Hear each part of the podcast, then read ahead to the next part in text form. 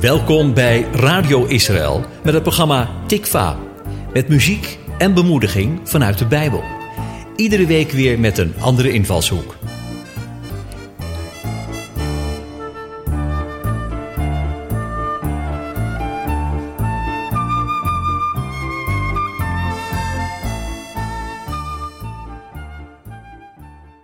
Je kent waarschijnlijk wel het spreekwoord over de bekende druppel die de emmer doet overlopen.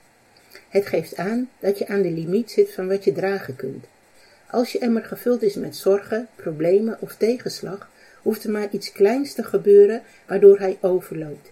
In de Bijbel lees je het verhaal van Job, die een emmer had gevuld met rampen en tegenslagen. De ene melding van rampspoed was nog maar net binnen, of de andere melding kwam er al overheen. Hij had zoveel tegenslagen in zijn leven te dragen, dat Job wenste dat hij nooit was geboren. Hij begreep niet waarom hem dit overkwam. Het veroorzaakte verwarring bij hem. Daar kwam bij dat de steun die hij van de mensen uit zijn omgeving kreeg, alles behalve troostend was. Daardoor voelde hij zich eenzaam en niet begrepen. Zijn emmer liep compleet over en liet hem niet alleen met brokstukken achter, maar ook met heel veel vragen over het waarom van zijn ellende. Omdat dit soort vragen en gevoelens ook in ons leven kunnen opkomen, wil ik kijken wat we kunnen leren uit het verhaal van Job.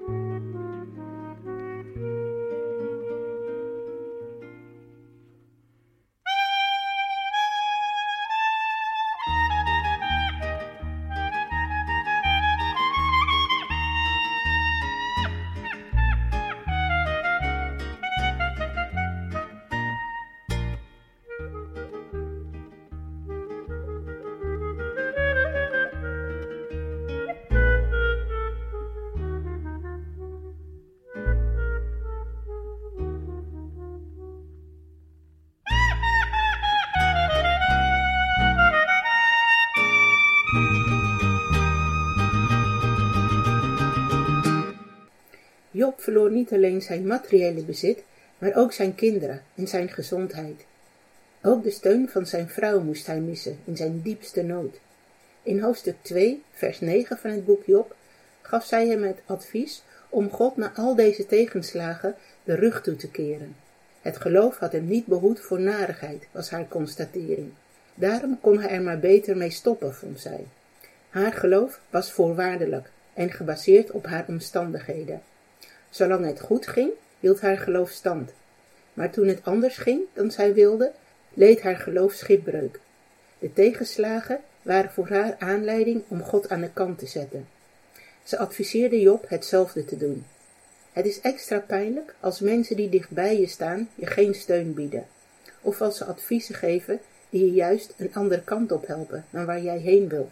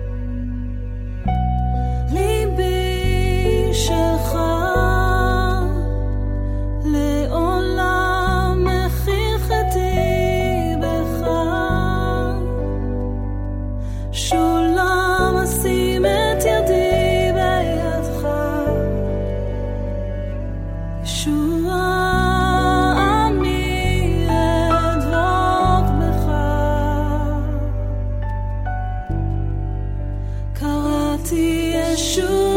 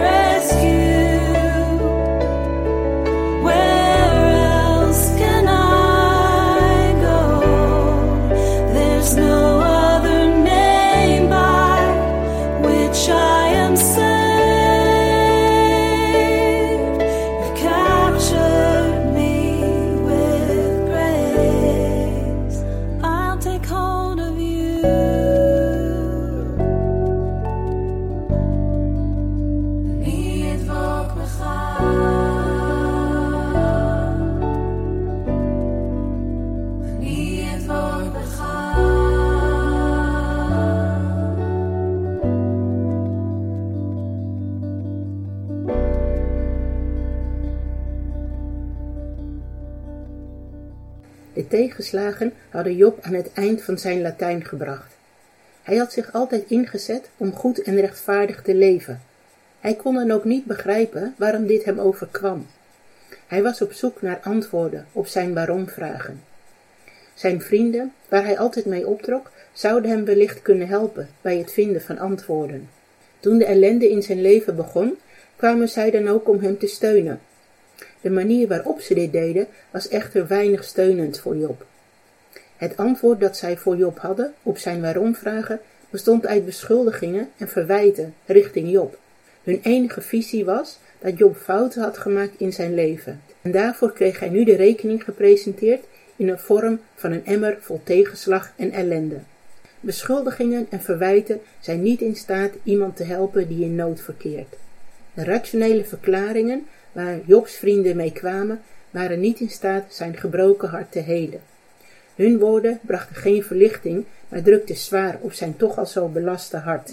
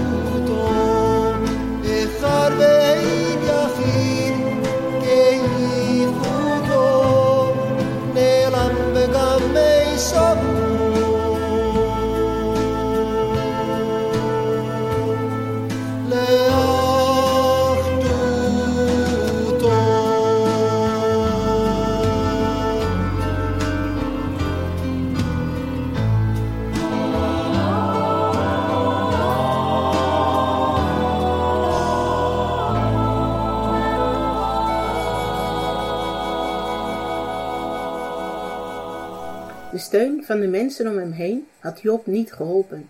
Het had zijn nood verzwaard in plaats van lichter gemaakt. De nood in zijn hart was zo groot geworden dat hij zich afvroeg wat de zin van zijn bestaan nog was.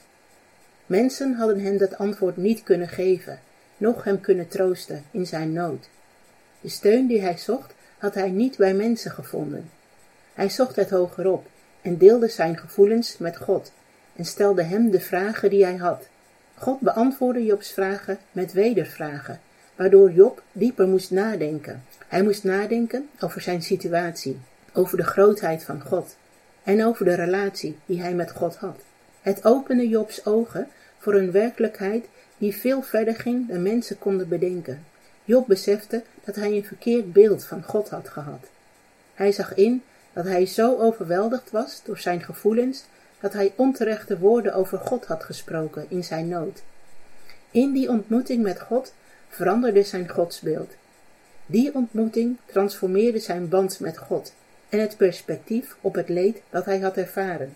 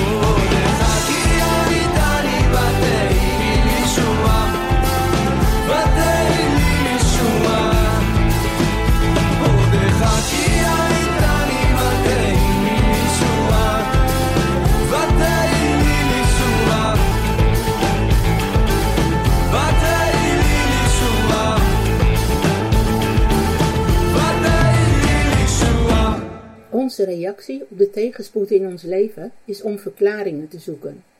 Net zoals de vrienden van Job deden, zoeken wij rationele antwoorden om de tegenslagen in het leven te kunnen verklaren. Verstandelijke kennis helpt ons echter niet om met het leed om te gaan. Ook menselijke wijsheid, zoals Jobs vrouw probeerde te geven, is niet afdoende om leed te kunnen dragen. Wat wel helpt, is niet het zoeken naar rationele verklaringen, maar om God zelf te zoeken als antwoord op onze nood. Hij is het antwoord op de pijn die we in ons hart ervaren. Hij is degene die antwoord kan geven op de vragen die in ons hart leven. Als we ons alleen richten op antwoorden, komen we op een plek dat we God ter verantwoording roepen. Daardoor missen we het beste van, van Hem. Zijn aanwezigheid in ons leven als trooster en als schuilplaats. Dit vraagt vertrouwen van ons in plaats van verstandelijke kennis. Dit vertrouwen stelt ons in staat God op een heel andere manier te leren kennen. Dit vertrouwen stelt ons in staat de grootste nood aan te kunnen, hoe diep het dal ook waar je in bevindt. Your presence is all I need. Your spirit, God, to walk with me. I surrender at your feet. All I am, I give to you, my King.